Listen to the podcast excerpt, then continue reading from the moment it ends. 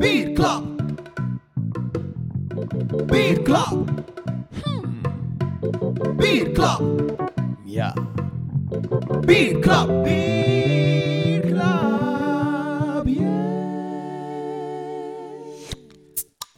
In afwachting van de pizza. hè. Ja, je hebt blijkbaar nog niet gegeten. Hè. Ja, nee, jij wou, jij wou zo snel mogelijk hier Ja, zijn. ja, ja. Zegt, die brouwerij die wil ik absoluut eens op tijd bezoeken. Ja. ja.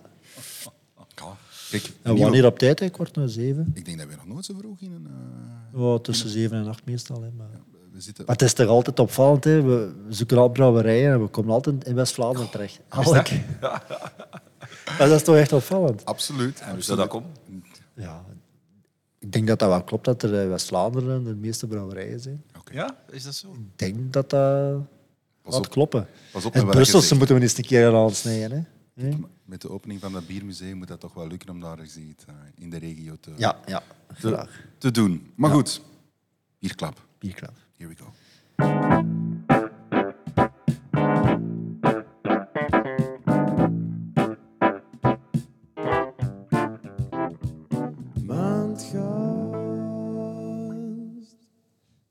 Goed, onze gast vandaag is een onder- ondernemer puur zang.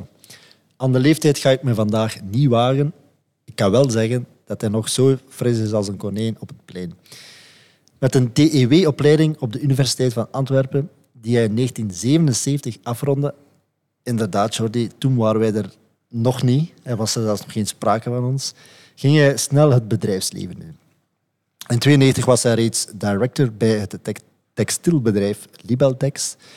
Nadien is hij 20 jaar eigenaar geweest van Helbig, een bedrijf producent van modulaire systemen van inrichting van winkels en voor de retail. Intussen is hij sinds 97 gebeten door het brouwen. Heel klein gestart, groter in 2008 en stelselmatig nog groter om tot de huidige brouwerij te komen. Vandaag heeft hij een brouwerij om u tegen te zeggen. Welkom, Luc Vermeers van Brouwerij De Leiden. Dank u wel. Klopt het wat hij zei?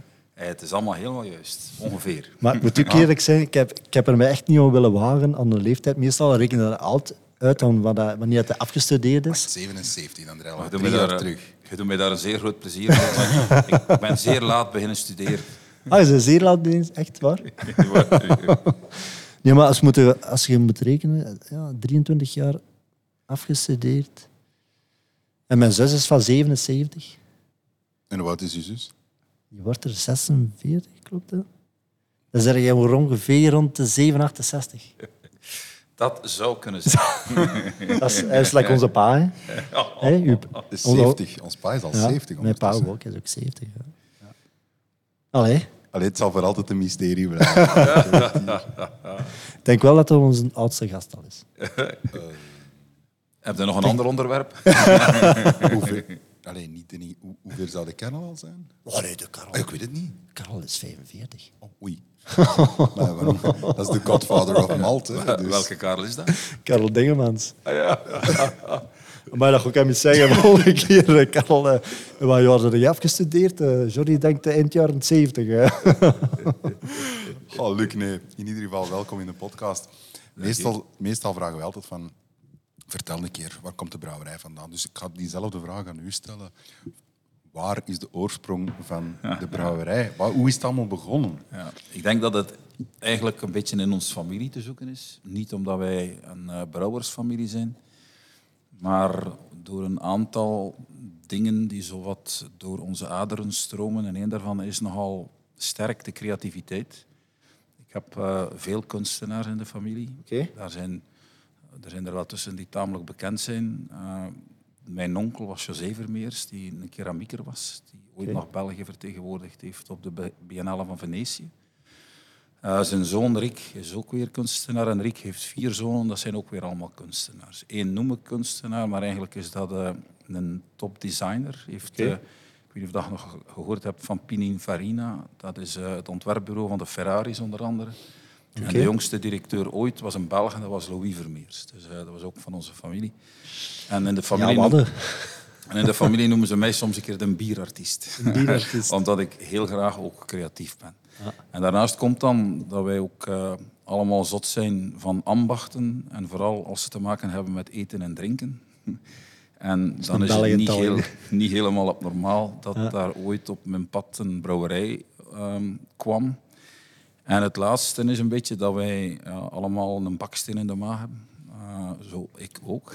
Ja. En we hebben ooit... eh, mijn neef heeft ooit zo'n een tuinhuis getekend, maar een gemetst tuinhuis van 10 op 4.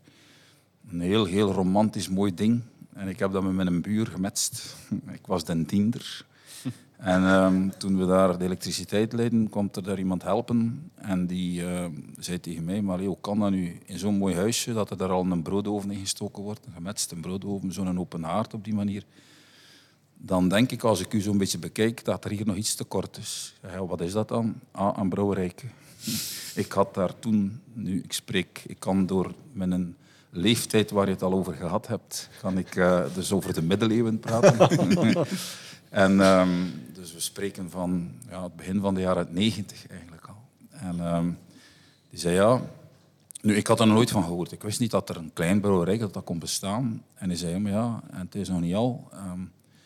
Mij, ik werk bij Paco en zij, wij maken dat daar. En eh daar staat een ocasietje te koop. En de week daarna stond ik daar al om te kijken naar dat ocasietje. Maar ik spreek, ja, dat is iets wat jullie niet goed kennen, denk ik, maar ik spreek een Belgische frank. Oh, Wel, wel, wel, wel, wel. Zo, zo jong zijn we ook nog niet meer. eh. En dat kostte een miljoen Belgische frank voor een Oh, ja. occasie die dan niet helemaal volledig was. Nu, ja, dat is nu 25.000 euro. Dat Ja, was toch al dat een, eh, hele chique Mercedes dat je toen Ja, kocht. maar allee, het was een beetje overdreven. En ik noem haar soms een keer mijn minister van Financiën. Maar mijn vrouw zei, maar ja, je hebt al al dat geld aan dat huisje besteed. Ah, ja. Zou je nu een keer niet een beetje kalmeren? En dus is dat project afgevoerd geweest. Maar door het feit dat ik ehm, toen eh, internationaal werkte ehm, en onder andere ook veel naar Zweden ging, eh, en daar legden ze mij altijd in hetzelfde hotel en plots lag ik in een ander. En dat kwam waarschijnlijk omdat ik daar een beetje loslippig geweest was over dat nieuwe pad die, die, die, mij, die het mijne kruiste. En ehm, toen eh, bleek dat een hotel te zijn waar onderaan een brouwerijke zat. En eh, dat was voor alles goed uitgenomen voor mijn gezondheid. Want om 9.30 uur had de chef gedaan en dat was ook de, de, de brouwer. Ja. En dan zaten wij daar aan de toog tot, tot heel laat soms. En ja, op een bepaald moment was zijn conclusie zo van, maar allee, als jij zo geïnteresseerd zit in al die dingen, waarom koopt u dan geen klein brouwerij? En dan zei ik hem, ja, maar ja, dat zit niet in mijn budget. Ah, maar allee, dat kan toch niet? Ga een keer gaan kijken waar dat ik mijne gekocht heb en dat was in Finland. Uh, en toen heb ik aan de CEO die aan mij rapporteerde, want ik was daar toen voorzitter van de raad van bestuur, ik gezegd, ja, ik zou eigenlijk ook nog een keer de Finse klanten willen zien. en hij zat dus naar mij te kijken en zei, dat is wel raar, je hebt nog niet al de, de, de Zweedse gezien.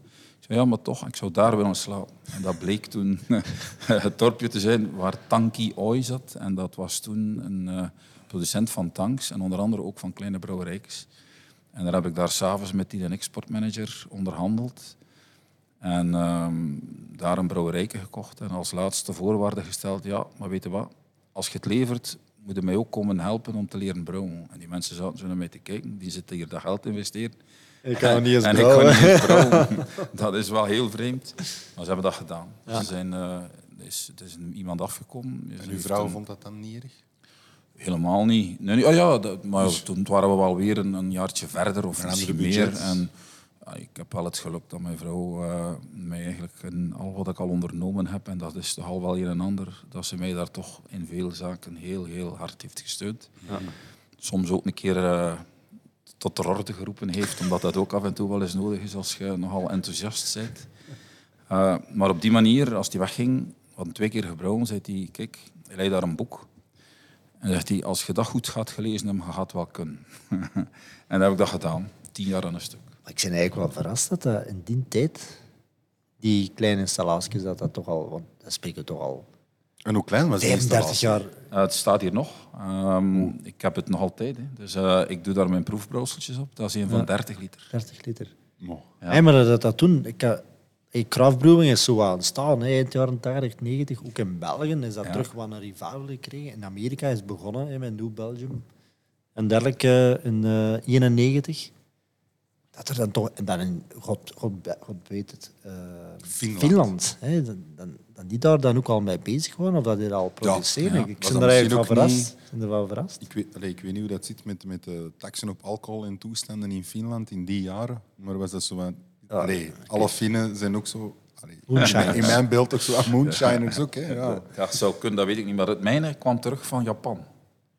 Dat waar ik in Finland had gekocht, kwam van Japan. Ja, dus eh, er was eentje, ze hadden, zoals het vaak ging en gaat waarschijnlijk, eh, er werd gestart met een kleine pubbrouwerie en daar eh, stond een, een brouwerijke van 30 liter, maar dat mocht groter worden. En dan dacht ik dat zij eentje van 200 gekocht hadden en dan dat ander vroegen om terug te nemen. En zo op die manier ja, werd er ook af en toe wel eens een occasiemarkt ge- Ja, gecreëerd. En dat heb ik nog gekocht.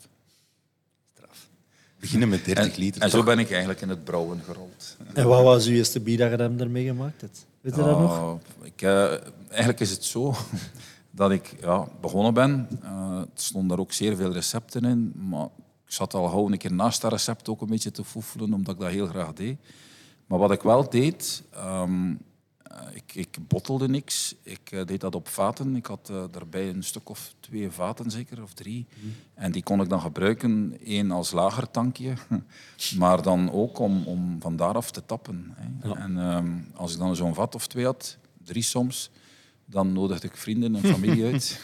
En dan gingen we aan de tap. Je wordt een beste vriend. En de enigste die, die dan waarschijnlijk af en toe een keer eh, een beetje eh, in coma ging, was ik. en, eh, maar ik hield dat een beetje in de gaten. hè. Als, ik, ehm, als, ik, eh, als ze dan na bier dronken, ehm, dan ja, hoorde ik vaak van, ah, Luc, heb je er nog? Hè? En soms hoorde ik ook, ja, je nog van dat ander? Ja, dan wist ik dat dat ene waarschijnlijk niet zo goed was. Ja, ja. Maar op die manier doe je enorm veel ervaring op. Hè. Ja, En, eh, zo is dat eigenlijk altijd maar verder gegaan. Ja. En enige idee hoeveel, hoeveel, hoeveel, keer dat je daarmee gebrouwd hebt? Ik weet het niet exact meer, maar ik dacht dat het... Ik ben is- niet heel zeker Dat dat is het toch ook... ook veel tijd in, hè? Ja, ja, ja, maar dat was dan... Ja, ik was ook niet veel thuis, hè, dus dat was dan in de weekends meestal. ja. Ehm, maar ik denk dat ik dat toch... eh, want ik heb daarmee gebrouwen van, zeven, van eh 97 tot 2005, denk ik. Ja. Alleen maar daarop. Oké. En ik denk dat ik zo ja, om de. Dan brouw ik soms een keer twee keer naar elkaar, maar dat ik ja, maar om de maand, om de twee maanden een keer brouwde. Ja. En ja, op die manier eh, heb ik ervaring opgedaan. En dan heb je die stap gezet naar, naar Ire. Wel, het verhaal zit eigenlijk en ik nog een beetje. Dus hier in dit gebouw zat vroeger ook Helbig. Ja. Nu, daar is het verhaal van, dat was een bedrijf die opgericht was in 1947. En ik heb dat, we hebben dat, mijn vrouw en ik hebben dat overgenomen in 2000. En hoe kwam dat? Ja, ik heb, mijn laatste werkgevers waren nogal multinationals. Ik was eh, ooit in de joint venture tussen toenmalig ehm Interbrew en Coca-Cola was ik director operations voor, ehm, voor België. Oké. En eh, daarna ben ik voor een Engelse groep gaan werken. Dan was ik verantwoordelijk voor een viertal bedrijven in het buitenland. Ehm, maar eigenlijk zat ik met een droom, dat was dat ik ooit zelfstandig wilde worden. En dan wel een beetje een speciale droom. Ik wou eigenlijk ooit bewijzen dat je met je onderneming, dat je kunt zaken doen met je hart. Dat je een hartelijk bedrijf kunt neerzetten, mensgericht en waardengedreven. En toen wij hier dit gebouw gekocht hadden, was dat helemaal nog niet af. Heel het werkgedeelte was af, maar hier was dat bijvoorbeeld nog, stond geen gevel voor. Het was één grote open ruimte. En we hadden een architect onder de arm genomen en die had dus ja, mijn verhaal gehoord, hè, dat dat hier een hartelijke ontmoetingsplaats mocht worden. En dan ehm, kwam hij op een bepaalde dag bij ons en hij zegt, ja, zegt je altijd dat dat hier een hartelijke ontmoetingsplaats mag worden. Maar is dat waar dat je brouwt? We spreken in 2004. En ja, dat was waar. En dan zegt hij, wel, zet dat dan hier. Hè. Dus ik heb dat brouwerijke dan hier geplaatst, maar dat is, je kunt straks gaan bekijken, zeer, zeer klein. En dat is hier, als je, de hevel alleen van het gebouw hier is 45 meter. Ja. Dus, eh, en er waren hier nog niet veel opdelingen in, dus dat brouwerijke stond hier nogal een ozel. en, eh, en was misschien een beetje minder geslaagd in het opzet om die hartelijkheid nog wat Ja. te onderstrepen. Maar het was er. Ja. En eh, ja, af en toe brouwde ik hier dan een keer. En dan ben ik in ehm 2007, denk ik, ehm, een cursus gaan volgen bij Glen van Alvine. Ah, ja. Eh, dat was een klein jaar, denk ik. Maar ja, ik kon daar niet stilzitten. Ik zat daar altijd soort, alle soorten vragen te stellen. En van, ja, hoe rap moet dat draaien en hoe groot moet dat zijn en hoeveel Ja. kost dat en waar vind je dat?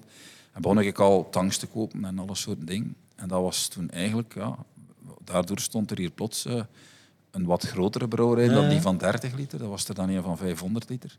Maar toen had je nog altijd dat andere bedrijf. Ja, ja dat zat hier in Helwig, zat dat, hè, in het andere dat, bedrijf. dat was altijd wel, denk ik, als je dan zo een salesmeeting had of gaat klanten op bezoek, dat was altijd wel ehm, Dat was leuk. Maar ja, dat was... allee, dat, van een keer, een keer dat, dat ook... Want ja, dan begint het allemaal. Hè. Dan heb je een eerste keer zo'n proefbrouwsel gemaakt op die nieuwe brouwerij. En dan... Ik had twee klasgenoten die, die, waarmee we samen zo met ons drieën de, de brouw... We noemden ons de brouwbroeders. Hè. En, ehm, en, er zat er één tussen die zo'n beetje een pietje precies was. Zo, en die, die heel goed gedocumenteerd was. En die zei, Luc, zit mij een groot probleem. Hè. Ja, welk probleem? Accijns. Een eindelijk later kwam hij, ja, en nog een groot probleem, hè. voedselagentschap. En dan gezegd, oh, dan ben ik met die mensen gaan praten, heb ik het nodig gedaan, maar dan bleek dat toch allemaal wel een beetje complexer dan dat ik het eerst gedacht had. En toen heb ik dat in een aparte vennootschap gestoken. En dus, ehm, in 2008 is Brouwerij De Leijten dan opgericht. Maar die, die, die verwevenheid tussen de brouwerij enerzijds en Helbig anderzijds, die was er altijd. Hè. Dat was, het was altijd zo dat er, altijd, dat er bijna altijd iemand van Helbig ook een keer meebrouwde. Als er iemand nieuw aangeworven werd in, in Helbig, was dat een van de introducties. Een keer meebrouwen. Ehm, we zijn ooit op... op Maar die eh, ketels moeten toch ook gepoetst worden? Hè? Die eraf moeten ook al. Hier een vatje. Hier, hier zo'n vatje. Dat was dan een kleine handigheid die daarbij kwam. maar ik denk dat wij ooit in, in Man bij het Hond gekomen zijn. Ah. Omdat, omdat ze dat zo eh, speciaal vonden. En toen... En dat was ook iets wat echt gebeurde. Als er, we werken hier nogal veel met studenten. Ik vind dat dat ook een vorm van maatschappelijk engagement is. Om die mensen ook kansen te geven. Op voorwaarde dat je het dan ook goed doet. Hè, dat je daar je verantwoordelijkheid voor neemt. En ehm, op een bepaald moment, ik denk dat hij Peter noemde, is er hier zo eh, een opname geweest. En dan moest ik eerst mee, want die kwam hier eigenlijk voor Helbig als eh, productdesigner. En eh, de, de opname was dan dat Peter plots voorbij wandelt, terwijl ik naar een product aan het kijken ben van Helbig. En dan zeg ik tegen die Peter, Peter, maakt u maar klaar. En dan zie je Peter zijn laarzen aan doen. en een eindelijk later kom ik de brouwerij binnen, in plaats van in kostuum, ook in mijn brouwkleren. En dan beginnen we daar zo gezegd te brouwen. Dan, het kookte dan een ketel van het een of het ander. eh. Dus, ehm, maar die integratie die is echt. Ehm, dat, eh, Dat is wel heel allee, was echt. Hè. Nu zit Helwig hier niet meer. Ja. En we hebben dat overgelaten eind 2019. Om dan de full focus op dit te doen. Ja, ik noemde gedurende heel mijn periode bij Helbig, van zodra ik die brouwerij had, noemde ik mijn brouwerij de verzekering tegen het zwarte gat. En mijn vrouw zei soms van, ja, ik vind dat uw verzekering een beetje groot aan het worden is. maar, dus ja, nu dan hebben we wel een beetje pech. Ik ben dan een, een maand of drie ziek geworden. Ehm, nadat we Helbig overgelaten hadden. En eh, een keer dat ik weer helemaal op en top gezond was, dan kwam corona. Ja. Ja. En dan, allee, dus mijn start voor mij een keer helemaal in eh, mijn verzekering te smijten, is zo'n beetje met uitstel gebeurd. Ja. Maar ja, dat, eh, dat is het leven. Hè. Ja, knap. Dat is wel een heel interessant verhaal. dat is, ja, van dat, ja, ik vind... Wederom eh, heel uniek. Hè, dat je, het idee erachter is ook weer helemaal hè, nog bij niemand gehoord. Hè, van, Ja. een bedrijf en een... Ja, je verwerkt dat eigenlijk, een bedrijf en een ander bedrijf. Zo. Ja, ja dat, en, en nu ook zet ik die... Nu, ik heb daar ooit een boekje over geschreven, over mijn idealen rond ondernemen. Dat noemde ondernemen met hoge goesting, hoge gisting. Moeilijk voor een En West-Vlaanderen. is het nog te verkrijgen? ja, ik heb er... Leest je graag? Ja. Dan ga ik je eentje meegeven. en, ehm, en de bijtitel was De kracht van mensen en waarden. Dus eh, allee, dat ligt me wel. En, en ik denk dat we dat met Helbig ook goed hebben kunnen realiseren. Maar dat hangt niet van mij af. Hè. Dat hangt af van het team dat je hebt. En ik vond dat we daar eigenlijk wel een machtig team voor hadden. Dus dat is gelukt. Maar nu wil ik dat ook met de brouwerij. Zijn er mensen van vroeger die nu in de brouwerij werken? Nee. nee, nee. Niet van Helbig. Nee, Helbig Ja. is een heel aparte eenheid geweest. eh, maar ja, er zat een grote verwevenheid. Maar nu, eh, die hartelijkheid, ik denk dat dat zo'n beetje de rode draad door mijn leven is. Hè. En als, we, als je me nu zou vragen waar wil je voor staan met de Leiden, met, met de brouwerij, wij zouden eigenlijk heel graag bijdragen aan een duurzame wereld die hartelijk is met een glimlach. En, Mooi gezegd. en Ja. daar, ehm, daar proberen we toch zoveel mogelijk op in te zetten. Ja. Dat is mooi Ja. gezegd. Ja, dat is mooi gezegd. Nu, de brouwerij zelf, hè, we hebben er net al eens langs geweest, is, is, is wel Ik zei tegen- groot eigenlijk. Hè? Ja, ik zei tegen qua- Pieter, hè, van, je, je bent de, de grootste brouwzaal van de... Ja, Van de kleine brouwers. ja, ja kleine brouwers, maar alles is in... Allee, Ja. Maar ik noem onze brouwerij soms de paradoxbrouwerij. Omdat... Of, oftewel moeten zeggen van de grootste nieuwe brouwers. ja. Ja, ja, ja. ja, ja, ja. Maar ja, we zijn... Ja, wat, wat, de reden daarvoor is eigenlijk geweest... Ik doe dat enorm graag zelf. Maar ik had ook nog Hilbig. Ah ja, dat was ja, wel mijn belangrijkste Zelfde activiteit. filosofie is bij ons. Hè. Ja, maar ook weer ja, knap. Het is, het is niet dat je ergens eh, gaan shoppen bent van eh, kijk van hier is het geld en eh, zet hier maar iets. Nee, nee, Je nee. hebt nee. ook- Ah. Het, is- het is een eigen werk, hè. je ziet Ja. het. En het is super logisch opgebouwd. Hè. Ik heb er een aantal dingen gezien, hè, waar jij ook direct door gecharmeerd werd voor, de, voor de draf af te voeren. Ja, Ja, dat, de, sturingen eigenlijk. eh, ja, er is, eh, je, merkt dat er... Ja, er zit een eigenheid ook in. Ja, Ja. maar dat je er zelf... uit, ergonomie.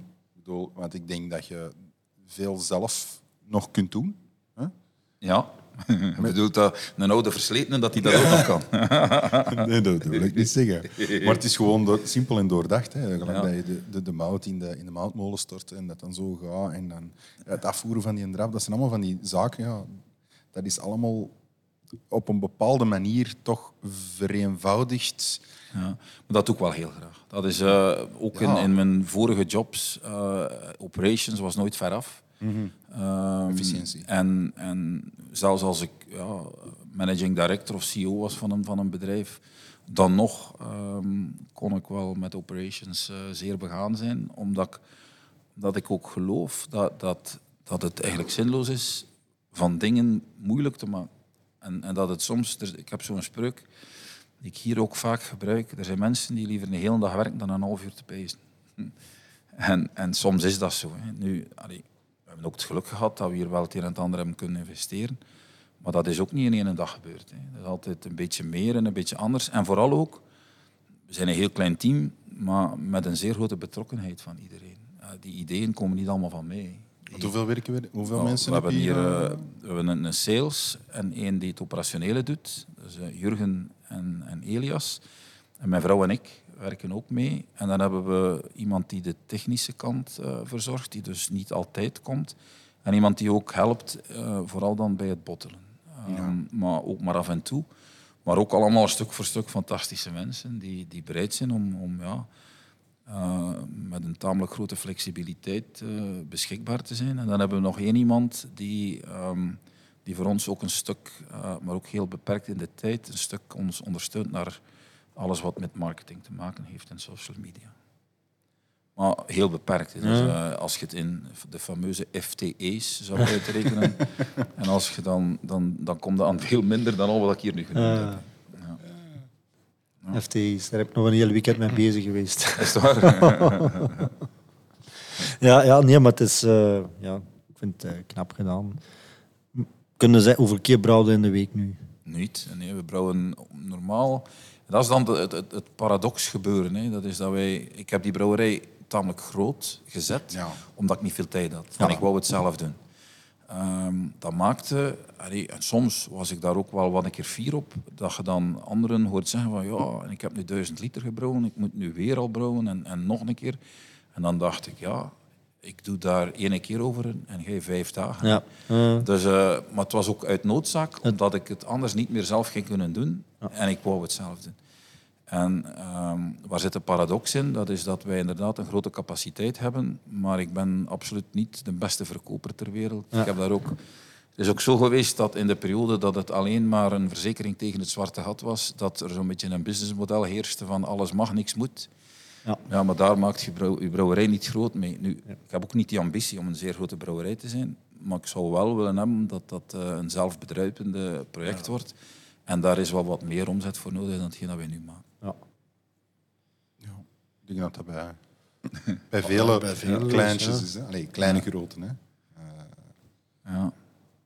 Maar de insteek vind ik heel goed. Het is inderdaad wat je zegt, ja, dat is hartelijk. Ja, dat, eh, ik zou het jammer vinden moest er hier iemand binnenkomen en zeggen oeh, wat een trieste bedoeling is dat Ja. hier. En, eh, Nee, maar dat klopt wel. Dat, dat straalt ook wel uit. Want eigenlijk hebben wij elkaar nog niet echt in levende lijven gesproken. een heel kort een keer. in- Die is in- heel kort, in ja, maar we, we ja. hebben veel... We zitten in een WhatsApp-groep, hè, allemaal De collega ontvangst was al heel hartelijk. Hè? Maar dan, daar blijkt dan ook al uit dat in uw antwoorden en uw vragen... Ja, er, daar straalde het al uit dat je eigenlijk... Ja, Ja, ja. Dat is fijn, daar ben ik blij om. ja dat, dat is zo. Dus daar, daaraan kun je soms al aanvoelen van ja, dat- wat voor een persoon dat, dat dan eigenlijk is. Of, of dat hij, wat hij nastreeft, of wat, hij, wat voor hem belangrijk is. Ik, allee, was- ik kende u niet, hè, tot, tot eh, een uur geleden. Maar de ontvangst is ook al gewoon heel hartelijk. En ik vind, ja, ik vind het, wat je er straks hebt gezegd, straalt volledig af van eh je filosofie. Het doet mij ongelooflijk veel plezier. Goed, ondertussen hebben ze onze pizza geleverd, eh, Pieter. Ja, ik heb al gegeten, dus eh, ga, ga je gang. En Luc, uw pizza is er ook gekomen. We gaan het delen, zeker? Oh, goh, ik deel niet. Doen we dat dan een keer een beetje uit? Of gaan we? Ja, Ja, we, Gaan, eh, we gaan over naar het volgende item. Stars, stars, yeah. Stars, yeah. Stars, stars, yeah.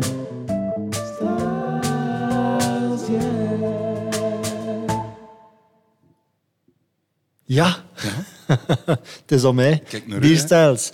Ja, ik wilde wat hier eh, aan het zeggen van ja, dat is, dat is mijn Dadani, B-styles. Jawel, jawel. Eh, ja, maar van kennis. Of, ah, eh, dat is nee. iets anders. Ehm, dus ik heb dat ook wel redelijk eenvoudig gehouden. En eigenlijk is dat misschien ook wel oneerbiedig om te zeggen, het is eenvoudig, maar we gaan terug in onze Belgische beatstijlcultuur een keer duiken.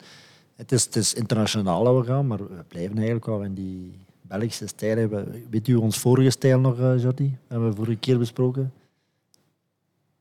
Eh, Nou, Rauwbier was de, eh, was de, de daarvoor, hè? het Vlaams geoud. Ah, bruin. maar ja, tuurlijk. Ja, ja, tuurlijk. Oh, En we het zitten eigenlijk terug weer in diezelfde. hè. Dus je weet nog altijd ons schemaatje. hè. Dus de, de eerste opdeling van bierstijlen begint eigenlijk in ondergisting, bovengisting. Dat weten we Dat je ondertussen. nu digitaal hebt gekregen van mij. Ja, ja, ja, want Het origineel ben ik kwijt. Eh, we zitten dus altijd nog altijd in de ales. Ehm, dus de bovengisting, de bieren. Ehm, ik heb trouwens twee keer geleden het, eh, het beursgebouw eh, bezocht. in Brussel met... Met de dochters. Ja, met de dochters, ja. ja. Dus als, als eerste het museum mogen bezoeken. En er wordt daar eigenlijk ook heel mooi voorgesteld, ook wat wij als Belgen, hè, welke bierstijlen, maar dan wordt dat heel grof gezegd. Van, ja, we, hebben, we hebben bovengistingsbier, lagegistingsbier, hè, we hebben zure vergisting, onze lambiek. En we hebben ook die gemengde, ge- gemengde gisting, ons uh, altbruin en dergelijke. Dus dat, dat klopt inderdaad. En dat is ook weer dat unieke dat wij zijn in België. We, ongelooflijk klein landje, maar ongelooflijk verschillende bierstijlen. Dus van, waar dat je ook in die, in die kader zeg maar, kijkt, eh, je hebt allemaal wel Belgische bieren vinden wel terug. Nu, ehm, ons allereerste bierstijl dat we besproken hadden, kwamen we finaal uit bij een triple. We hebben de Westmalle triple Ja. wat. We gaan eigenlijk heel dat parcours terugvolgen. Dus we zitten in een ale en we gaan naar een Belgian French ale. Wat wat valt daar ook allemaal onder? Nog eens de herhaling. Dat wit bier, eh oud-bruin, eh Vlaamse red ale. Hè. Daar hebben we een discussie hebben we vorige keer gehad. Ja. Eh, de Belgium dark ale, hè, de, strong dark ale, waar onze donkere bijvoorbeeld eh, Ah ja, perfect in past. Eh, en eh, toen zijn we tot een triple gegaan, maar een triple is eigenlijk een vervolg van onze klassieke Belgian pale ale. Of de Belgium ale. Het wordt ook wel eens een golden ale, wordt ook wel eens gezegd. Kunnen mij een voorbeeld geven dat je denkt van volgens mij is dat een Belgium ale. Een, een golden ale? Zo, Een of zo. Ah, Remy, ja. ja, Remy, ja. Bijvoorbeeld. Eh, zijn er zoveel, hè. een Aflegem, een Grimbergen, dat zit allemaal in die stijl. In een E-namen. Uh, uw blonde, Paljas blond. Je hebt daar nog een blonde, denk ik. Hoe noemt die nu weer? Je bedoelt ons een enfant terrible. Nee. Ja, maar dat is, dat is een triple. Of Ja, dat is een triple. Ah, dat is een triple. We hebben een, de femme fatale is ehm, blond licht amber eigenlijk. Ah, oké, ja. Dat er daar wel wat munich in zit. Ah, wel, dus een amber dat komt er al meer tot de klassieke. Hè. Van het het Britse pelel, dat iets meer kleur heeft, zo wat de amberstijl. Onze Belgische golden ale, dan zou ik maar zeggen. het, is, het is blond tot licht eh, oranje. De, de, de grote D. De grote D. De grote D. Is daar ook geen... eh, Ah ja, ja, ja er, zit, er zit hier al een, nog een onderverdeling, dat is een Belgian Strong. Ah, oké. Eh, dan gaan we kijken naar Duvel. Dan gaan we eigenlijk meer de bieren die plus 8% zijn. Die zitten dan meer. Want eigenlijk klassiek is in een golden ale zit tussen de eh 6 en 7% alcohol.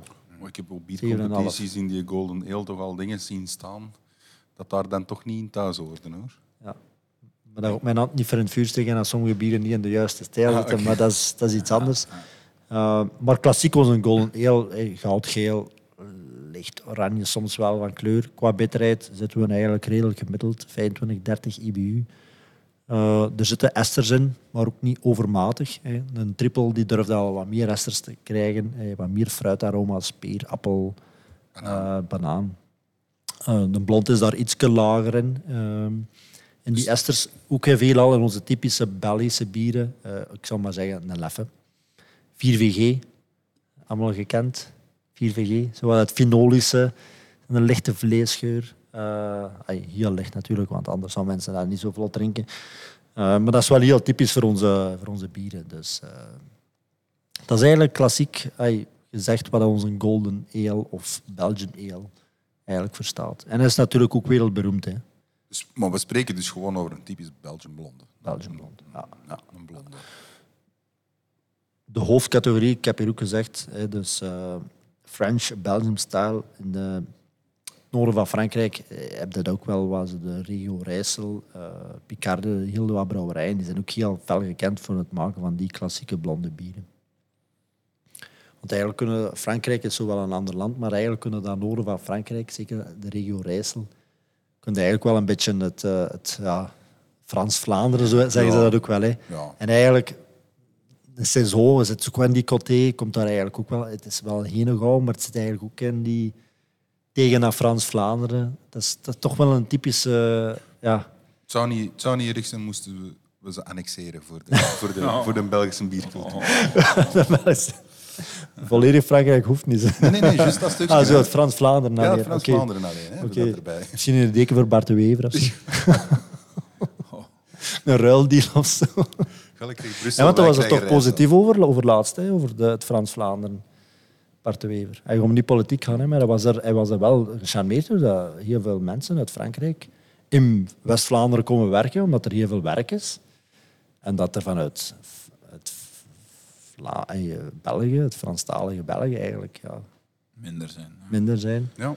Nee, maar het- allee, als je daar dan een keer doorfietst, eh, Ja. of, eh, ik zat op een bepaald moment daar ooit een keer aan, zo buiten op een terrasje iets te eten in een heel klein restaurantje. En ik, ehm, ja, ik zat met een collega eh, en ehm, ja, we waren in ons dialect bezig, in ons West-Vlaams. En daar komt er plots zo'n een, een oude Fransman naar ons toe en die begint zo in dat heel plat, plat, plat, West-Vlaams-achtig Ja. te spreken van ik verstok ik jeller. Hè. en eh, dat is eigenlijk was ontroerend. Hè. Dat is machtig. Hè. Dat, dat, dat, dat- ooit ja, was dat voor een stuk zelfs te Ja, ja klopt, klopt. Wist je, ik heb daar onlangs trouwens ergens gehoord. Er, ik weet niet waar dat het is. Ik ben het vergeten. Maar er is een, een bepaalde eh, eiland, denk ik, ergens. En er zijn mensen van West-Vlaanderen naar in heel, heel, heel, heel, heel lang geleden naar geëmigreerd. En, maar dat is een heel gesloten gemeenschap. En daar spreken ze nog, maar echt oud, oud Vlaams. je, verstaat, je verstaat er hier en daar een woord van. Die ene West-Vlamingen, dat is iets makkelijk. Ik zou dat moeten opzoeken. Ik heb dat onlangs gezien. Echt? waanzin.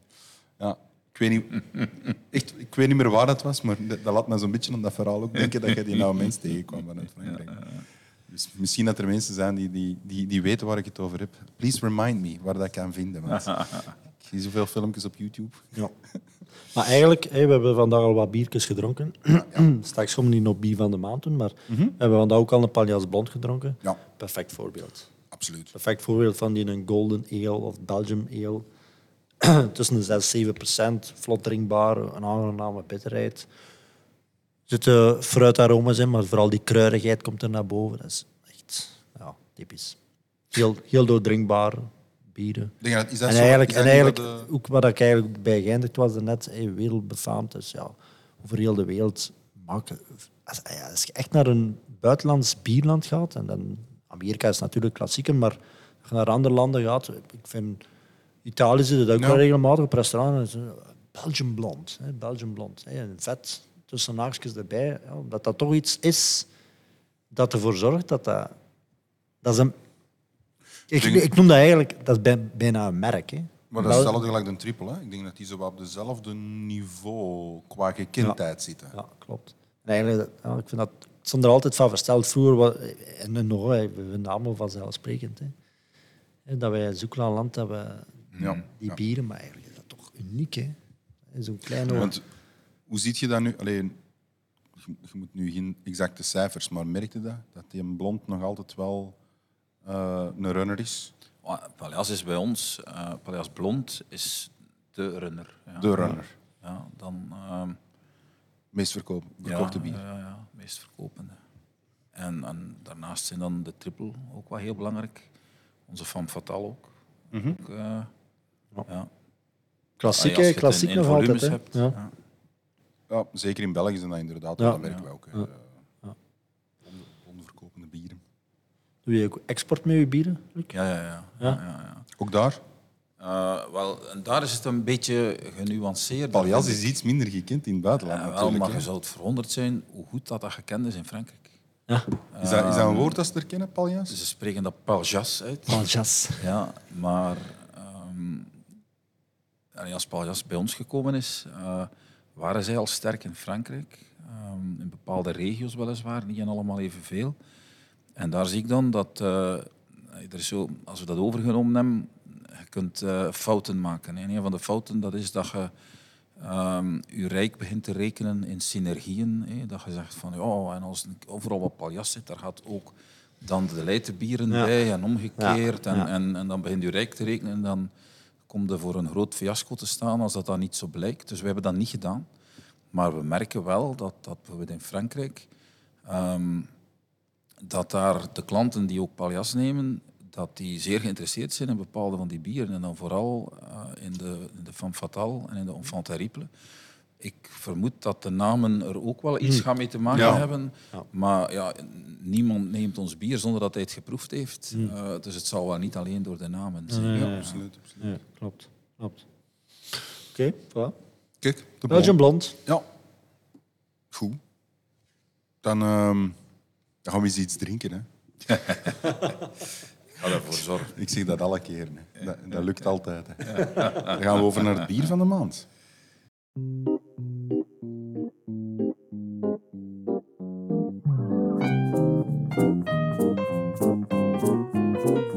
Bier van de maand. Ja, zeg maar, Luc. Waar is het bier van de maand?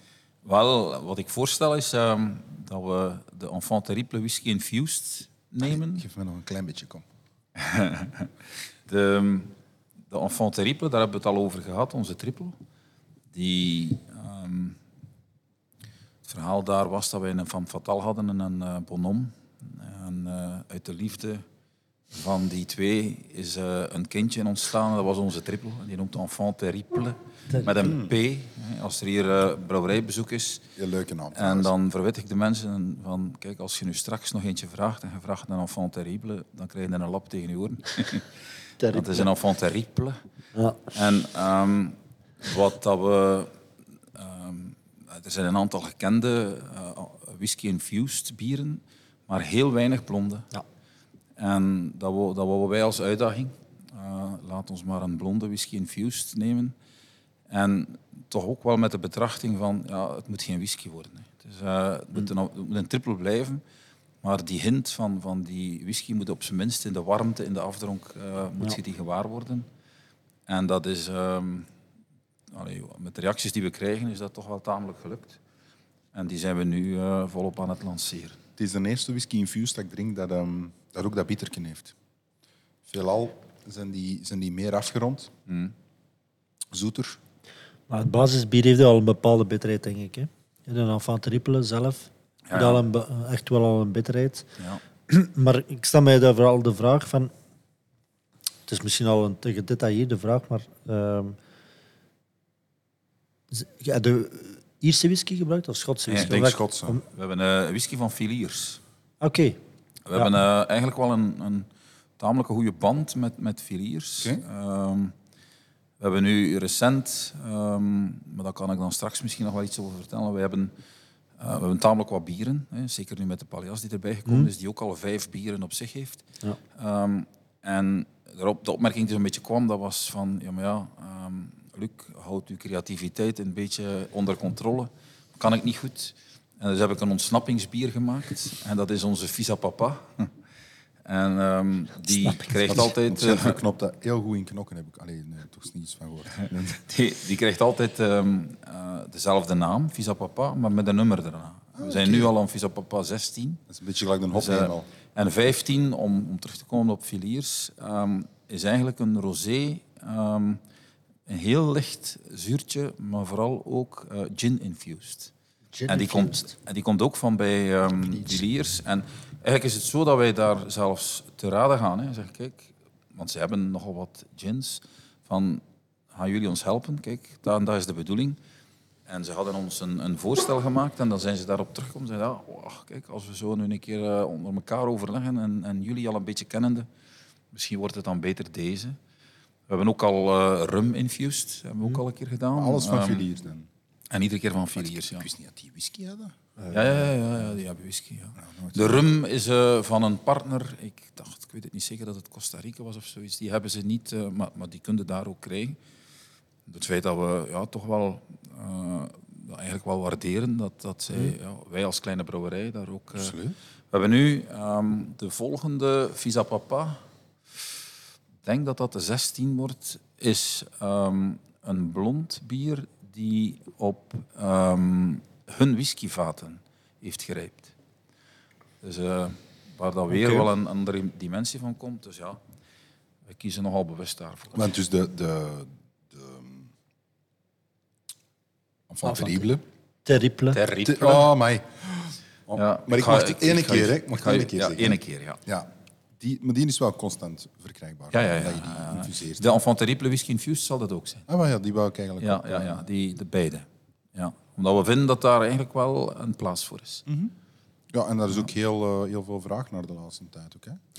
Goh, ja, wij zijn eigenlijk niet zo goed bezig met, met de vraag. In de zin dat, we, dat wij grote marktstudies doen. Daar hebben we ook het geld niet voor. Maar als je een beetje luistert... En, Je en merkt ook, dat ook wel. Hè? Ja, bijvoorbeeld, wij zijn bij, bij ja, de twee belangrijkste aankooporganisaties zijn we ook geweest. En, en hebben gezegd, kijk, dat is ons plan. Wat vinden jullie daarvan? En daar was in beide gevallen daar een heel, heel positieve reactie op. Ja. En we zeiden, oké, eh, we blijven bij ons plan, we doen het. Ja. Ja. Maar het is heel subtiel ook. Hè. Het, is, het is zeker aanwezig. Ehm, Het overheerst niet. En daar heb ik al, wel heel, allee, heb ik al een aantal whisky-infused bieren gedronken. Dat ik dacht, Ja. Maar wat ik eigenlijk altijd merk bij een infused bier is dat die mariage er niet is. Ja. Het is een... Dat, dat we ook vooral wel hebben. Ja. En eh, wat ik bijvoorbeeld meekreeg van, van een aantal collega-brouwers, dat was van, "Ah, weer de zoveelste whisky infused en het zal weer allemaal whisky zijn. En dan laat je ze proeven en dan, dan ziet je zo hun gezicht veranderen en dan zeggen ze, moch. Hij noemt dat een, een- allee, het moet een evenwicht hebben. En, en dat vind ik in Ik onze denk, ik bieren denk dat, je, dat je tien mensen dit blind laat proeven en ze moeten zeggen wat het is infused of, uh, of barrel-aged. ik denk dat er geen, uh, Nee, geen ja, verschil in ja, gaat ja, vinden. Ja. Dat gaat misschien 50-50 zijn. En, dus dat, dat, dat, dat, dat is zeker goed geslaagd. Ja. Ehm, ik denk dat we er al eens een keer uh, wist dat toen over gedaan hebben. Hè? Over uh, barrel-aged versus infused. Ik krijg toch nog veel die vraag. Hè.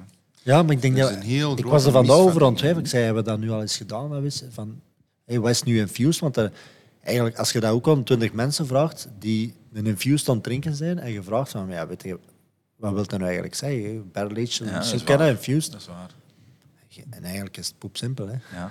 ja. Maar mooie stond dat niet bij... Op je flesje whisky toegevoegd, ja, dat klinkt niet. Hè. Nee. ja. Enfant terrible, Hey, goed uitgesproken. goed Whis- zo. whisky toegevoegd. Ja. ja, nee. ja. Ja. Dus ja, dat is wel... eh, we zijn daar ook gelukkig mee. Ja, absoluut. Lekker biertje. Ja, is goed. Whisky infused. Yes, sir. Right. Wist jij dat er, wist jij dat er, wist jij dat er, wist je dat je zijn over bier? Nee, dat wist ik nu niet. Wel, dus ik heb... ehm, ik was vorige week aan het denken over Twisted Dutch. Ik was dan aan het denken aan het eh, Infused en het Barrel Age. Maar eh, ik zeg, ja, ik zeg...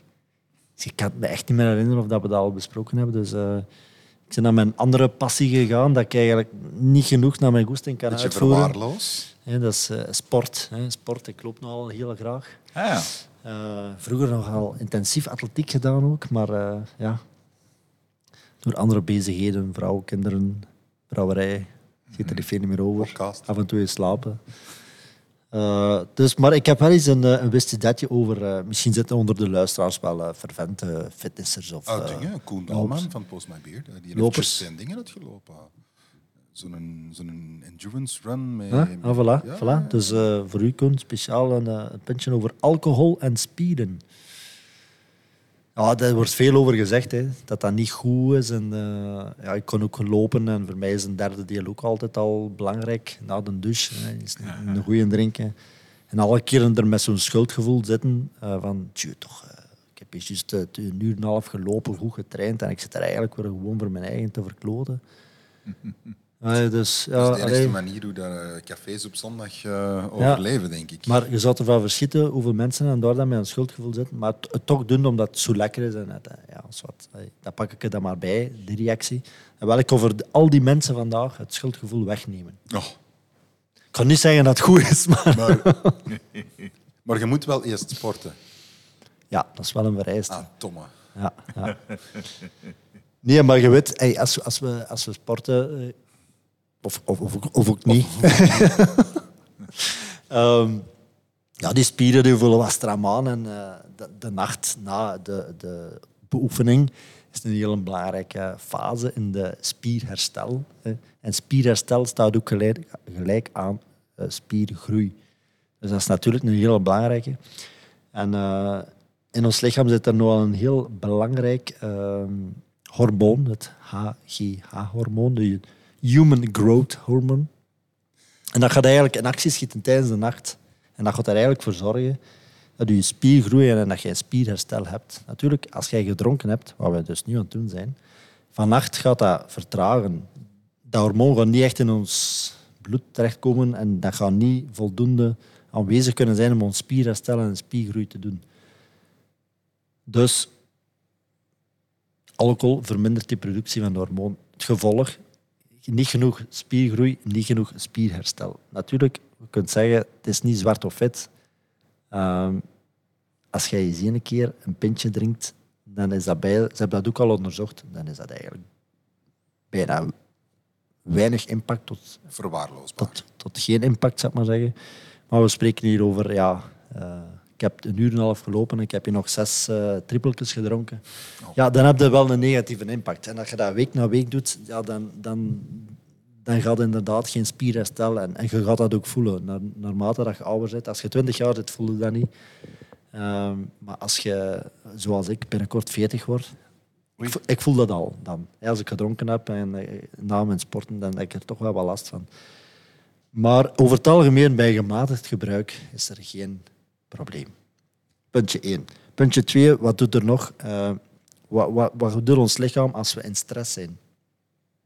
Weet je dat? Wat maakt ons lichaam aan? Adrenaline? Nee. Nee. Dat is spanning eerder. Cortisol. Nog nooit van gehoord, cortisol? Dat is een stresshormoon. Dus eh, ons lichaam maakt dat aan om eigenlijk die stressomstandigheden aan te kunnen.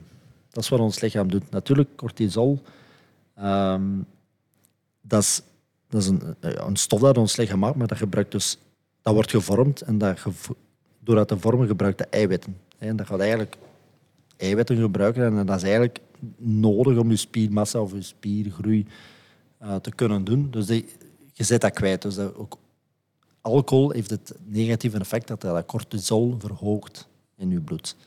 Dus cortisol wordt verhoogd en dan eigenlijk heb je dan ehm, verminderde spierherstel en groei. Oei, twee keer is slecht al. Twee keer, ja. En dan een derde, het meest gekende, alcohol droogt uit. Hè. Je zult het allemaal al gemerkt hebben. Ik heb er ongelooflijk veel last van. En van de nacht gaat dat weer zo zijn. Ik kan heel de nacht spierkrampen hebben in mijn kuiten. Wat van drinken? Ja, van alcohol. Heb je nog nooit gehad? Nee, Nee, spierkrampen? vooral dorst. Ja, dorst, voilà, dorst inderdaad. Want wat, hey, alcohol droogt uit. Eh, je verliest eh, veel vocht, hè, want je lichaam... eigenlijk is dat zo... je- dat is ook de- de reden waarom je de dag daarna eigenlijk kop, koppijn hebt, zeg maar zeggen, hoofdpijn. Is het doordat je hersenen eigenlijk te, tekort aan, aan vocht hebben. Hè. Dus, maar wat het probleem is, je verliest veel water, maar dat veel water verliezen wil ook zeggen, je verliest veel mineralen. En het grootste probleem, en dat is ook een beetje gerelateerd aan sporten, magnesium, alle sporters gaan dat wel weten, is een redelijk belangrijk mineraal. Ik moet dat eigenlijk bijpakken. Dat heb ik wel tijdens skiën. Ja. Dat is, als ik ga skiën, dan heb ik zoveel last van mijn kuiten en mijn benen, effectief. Ja. ja, maar dat is eerder van belastingen en, en niet zozeer van... En is iets doen. en iets iets doen. Is nee, nee, maar gebruiken. neem ik ook Maar hey, dus inderdaad, dus, hey, mineralen, je verliest vocht, maar ook mineralen, magnesium. En magnesium is een eerste een belangrijk mineraal in de spieropbouw en ook in de spierfuncties. Hè, om die goed te laten doen. Als die magnesium te, te, te, te laag eh, komt in je bloed, dan krijg je ook spierkrampen. Eh, onder veel mij beamen als ze, als ze dit horen. Ehm, en wat wij soms ook veel doen, en als jonge gast komen we er ook altijd tegen, katertje gaat, oh, wat denkt u, oh, een dafalgannetje pakken, om een keer goed lopen of een keer eens goed gaan sporten, is alles eruit zweten. Ja, dat is nu net niet wat dat je moet gaan doen. Maar ik heb het ook altijd gedaan, ze. om je wat beter te voelen. Maar dat is dus ook niet iets wat dat je dan interessant is voor je lichaam te doen, dat je dan gaat sporten als je een kater hebt. Je lichaam is uitgedroogd, dat we gaan sporten, gaan dat doen, transpireren, nog meer vocht verliezen. Dus het beste wat je kunt doen met een kater is gewoon rustig zijn en rustig veel Ah, water maar, maar dat drinken. kan ik goed zo in uw zetel liggen een dag Ja. daarna en zo Ja. weinig mogelijk doen. Zo weinig mogelijk doen. En veel water drinken. Veel water drinken. oké. Maar al bij al, en ik heb, ik heb daar eigenlijk heel veel over gelezen de laatste weken over dit eh, thema, maar het heeft mij wel een goed gevoel gegeven, omdat ik altijd wel in elke onderzoek of, of, of boek dat ik las, of, of, of wie dat daar ook zei, eruit filter dat, dat het niet zo slecht is om iets te drinken, dat het zeker kan. Het gaat er maar niet over Met mate. De hoeveelheid. Maar het heeft mij wel een bepaald gerust gevoel gegeven van de volgende keer dat ik ga lopen en mijn collega zegt, kom jongen, nog een goede pot pakken, dat ik dat zonder schuldgevoel kan doen. En Zolang dat- het er geen zes zijn. en dat, is, jawel, en dat is voor mij het belangrijkste aan heel dat gegeven. Het gaat uw prestaties niet bevorderen als je de dag daarna, denk ik, eh, een Ironman gaat lopen, misschien, denk ik. Nee, nu net van een wedstrijd zou ik dat ook niet doen, eh, maar gewoon... Maar na die Ironman, Ik, zal, ik kon het me niet nood ontzeggen. Ik heb het mij vroeger altijd ontzegd, tot mijn 21 altijd. Nee, sport, sport. Maar nu ga ik het me niet meer ontzeggen. omdat de effecten als je één inname hebt... Redelijk beperkt redelijk zijn. beperkt. Ja. Dus... Amai. Luc, Ben jij een sporter, Luc? Ik eh, ben hier onder de indruk van zoveel wijsheid. Eh, ik was een sporter. Ik heb eh, in mijn jeugd nogal intensief volleybal gespeeld. Ah, Ja. Ehm, in competitie. Maar daarna was het veel eer... eh, ik heb ook altijd graag gelopen. Hm. Ehm, maar dan beginnen op een bepaalde leeftijd eh, bepaalde dingen wel een keer wat fouter te gaan. Ik heb een nieuwe heup. En dan hoor ik dat dat nu niet meer zo verstandig is. Fietsen, Dus, eh, maar ik fiets wel nog. ehm, en eh, af en toe kom ik zelfs een keer met de fiets, maar wel een elektrische fiets. kom ik naar, eh, Maar als je naar dan in de brouwerij. brouwerij Dus- komt, dan moet u niet schuldig voelen dat je hier 's morgens aan het voorproeven bent. Oh, dat, is, dat, is, dat is weer iets anders. Hè. dus morgens... eh, Cool, dat was wel een leuk wistidadje eigenlijk. Het was Ja, een keer een... eh, Hey, Het heeft, het heeft een waarde voor mij, ik zal het zo zeggen. ja. Je voelt u Ik sinds voel mij beter. en minder schuldig. Inderdaad. Mooi. Dan gaan we naar het laatste.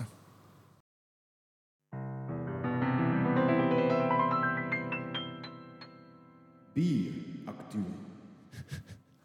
We zitten met een primeur, Pieter. Een absolute primeur in Bierklap. Ja, ik was eigenlijk een maand te vroeg hè, met mijn ehm een bieractua van vorige keer. Ja, ik heb het overal op VRT mogen lezen. Ik heb het in het nieuws gezien, al die dingen. Ja. Maar we hebben, hebben eigenlijk geen actualiteit. Nee, nee, het is dit, eh, eigenlijk ja, de, wat er dan de 9 september is het geopend, eh, het beursgebouw. Heeft Ja. eigenlijk alle actualiteit een beetje overschaduwd. Maar overschaduwd is misschien een negatief woord, maar het heeft wel voldoende aandacht gekregen. Naar zich wat, eh, toegetrokken. Naar zich toegetrokken, wat zeker terecht was. En ik zal het nog een keer zeggen, het is zeker de moeite om het te gaan bezoeken. Het kost blijkbaar maar 12 euro.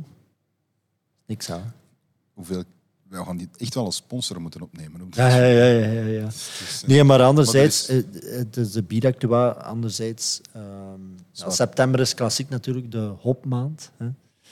Heb je hem gisteren, ik, ik heb hem gisteren niet Ah. zien hangen in mijn tuin. Hè? Jawel, jawel, maar ik Ja? wist dat niet. Dat is eigenlijk, een wist je datje. Waar?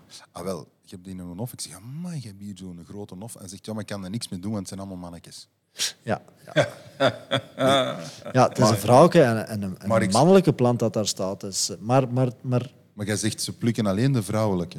ja, Maar, de hopvelden worden de mannetjes eruit gehaald. Hè. maar waarom? En het verhaal Waarom? was zelfs dat de mannelijke niet mogen. Ja, ja, Ja, ja, dat mag maar niet. waarom? Alleen in Engeland. En waarom? Omdat je, als je bevruchting krijgt, wat krijg je dan? Mannetjes, Zaden. zaden. En zaden bevatten vet. Ah, En vet in je bier, ja, dat wilde niet. Voilà. Oké. Krijg je, vette olie en dat, dat- is heel slecht voor je schuim. In Engeland worden mannelijke bloemen, eh hij wordt, planten, die worden er eigenlijk nog wel gedeeltelijk getolereerd, zeg maar zeggen. Dat verklaart ook wel, ik spreek wel ook voor een tijdje geleden, nu is dat ook wel, er is ook veel, hij verandert veel in de bierwereld, hè, de laatste decennia, maar toen verklaart ook een grote deel het, het, eh, soms slechte schuimstabiliteit van Engelse bieren. Hè. Maar dus traditioneel gezien, nou, dat is onze bieractua. Traditioneel Ja. gezien is september de, Maar- is maar dat ik weet, de ik heb, de ehm? Is dat dan de oogstmaand van een hop? Ja, Ja. ja. ja, kijk, dat is onze bieractua. En ehm, ik heb er eens, eens een keer ooit op bezoek geweest bij de Plukker. In, eh, Ja. Het is niet Poperingen, het is een vlak naast, maar ik weet niet juist het dorp hoe dat noemt. Maar ja, die, die, die zei dat, ja, dan, dat, ah, loopt het daar door en vanaf dat er een mannelijke zit, ja, die moet... eh, Maar hoe zie je dat? ja, wel, dat, heb ik u ook gevraagd. Hè? Ja, ik weet het niet. Zijn die dan groter? Want die waren wel groot, uw hopscheuten. De bellen waren heel groot, ja. Maar ik vraag me, ik, ik heb me altijd laten vertellen ook dat, ehm, en ik volgens mij gaan wij een, een jaar hebben met ehm, heel veel aroma. Ik heb mij laten vertellen dat als de laatste twee weken voor de oogst ik heb het antwoord. warm en zonnig is, dan krijg je veel meer hoparoma. Ja. Weet je, als ik student was, Hmm. ben ik denk ik twee of drie jaar bij een hoppenboer Echt? gaan, eh, In West-Vlaanderen? gaan werken. Ja, ja, ja, in Reningelst. En men beweert soms dat eh, eh, geur eigenlijk het, het zintuig is die het meest ook herinneringen kan oproepen. Ja. En ik ben ooit ehm, bij de plukker ook geweest, Ja. in de tijd dat de, de oogst eh, gaande was. Ja. Dat, je kunt niet beschrijven wat dat met mij deed. Gewoon, eh, nu ruik ik hier ook, als ik brouw, ruik ik ook Mhm. de hop. En dat doet ook wel iets met me. Maar gewoon die omgeving en, en dat zeer intense. Zeer dat intense is, eh, geur. Eigenlijk is dat iets... Je zou bijna iedereen moeten naraden om daar een keer naartoe te gaan. Hè. Ja, ik ik wou het u gisteren laten doen. Ik kan Ja. er even, kan, even. Het is dus verboden, inderdaad, hè, om in de geburen van, eh, van hopvelden een mannelijke hop te kweken. Want wanneer een mannelijke hopland een vrouwelijke hopland bevrucht, dan straat de stof lupine. En dat is inderdaad, ja, dat bevat vetten en vetzuren. die Maar erg lupine, lupine, is, hey, lupine hebben we Ja. nodig, hè? want daar zitten onze bitterstoffen in. Hè? Ja, maar kijk, maar, die, maar een, in een bevruchte hopbel waar dat lupine in zit, dat bevat vetten en vetzuren die een erg nadelige invloed hebben op het schuim van het bier. Ja, sowieso. maar dus, klopt. en ik heb dan ook opgezocht hè, ehm, wat, ehm, hoe, dat je dat nu, hoe dat je dat nu herkent. Ehm pam, pam, pam, pam, pam, pam.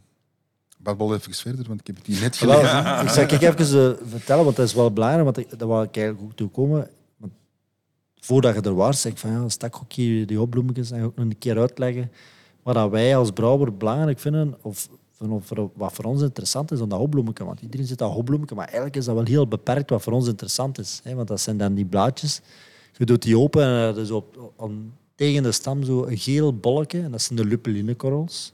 En daar zitten de alfazuren in. En de essentiële oliën en de, de hopolieën zitten daarin. En het is, als je daar met je vinger en je wijsvinger en je duim over wrijft, dat is een intense geur. dat- Een van de mooiste bewegingen is, wat je soms wel bij keuringen wat op ziet, dat is dat ze gewoon bijna hun, ze breken hem open. We gaan met de neus diep in de... Ja, ja.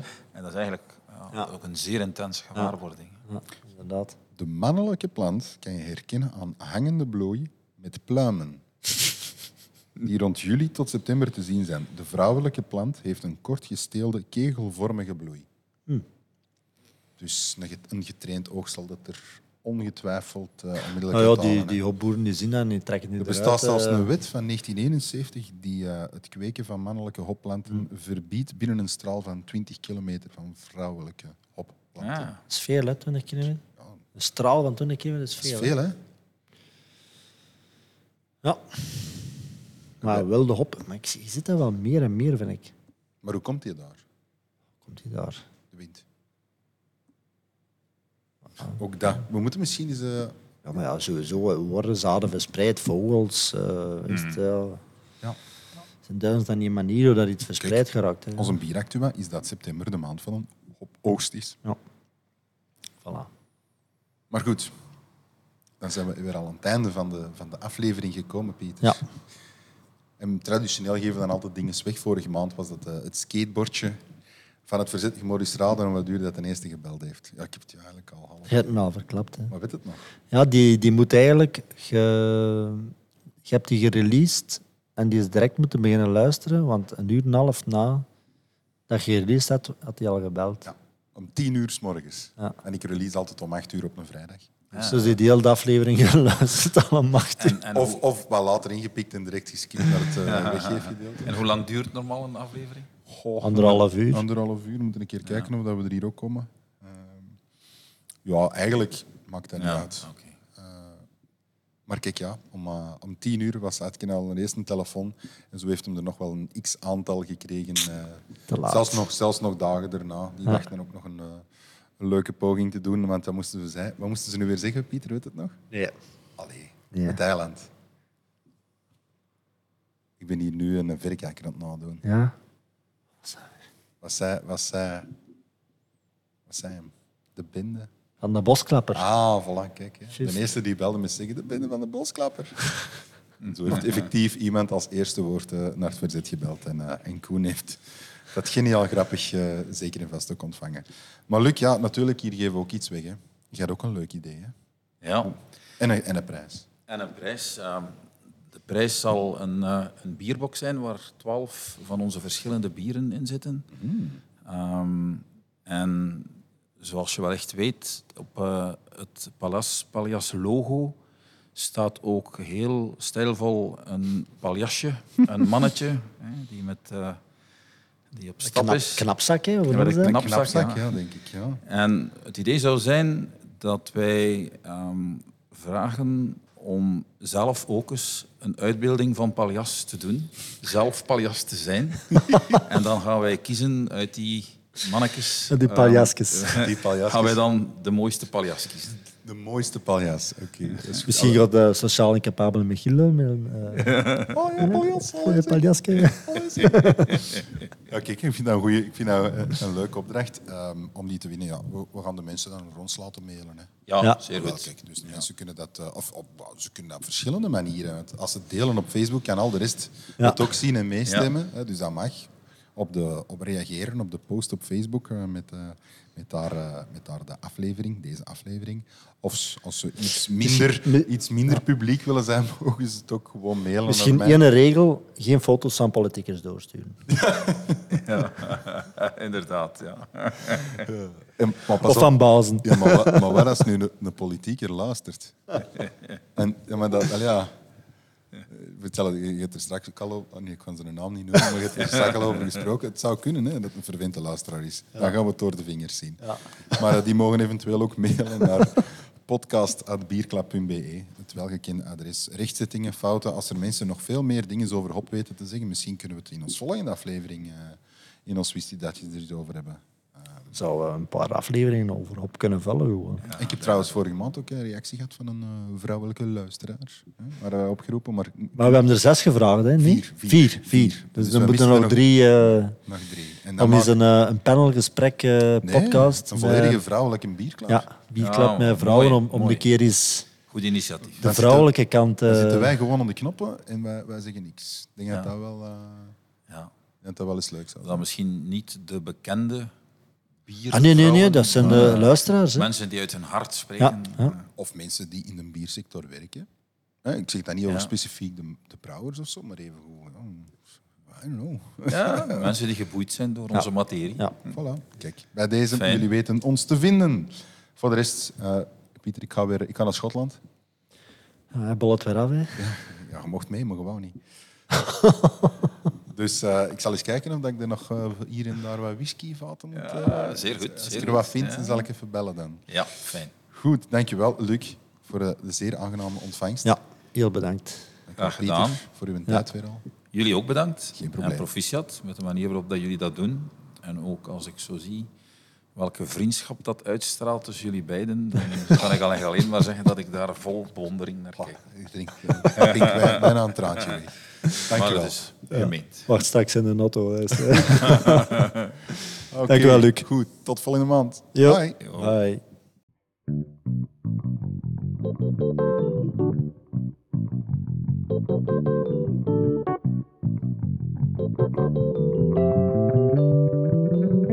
Bierklap.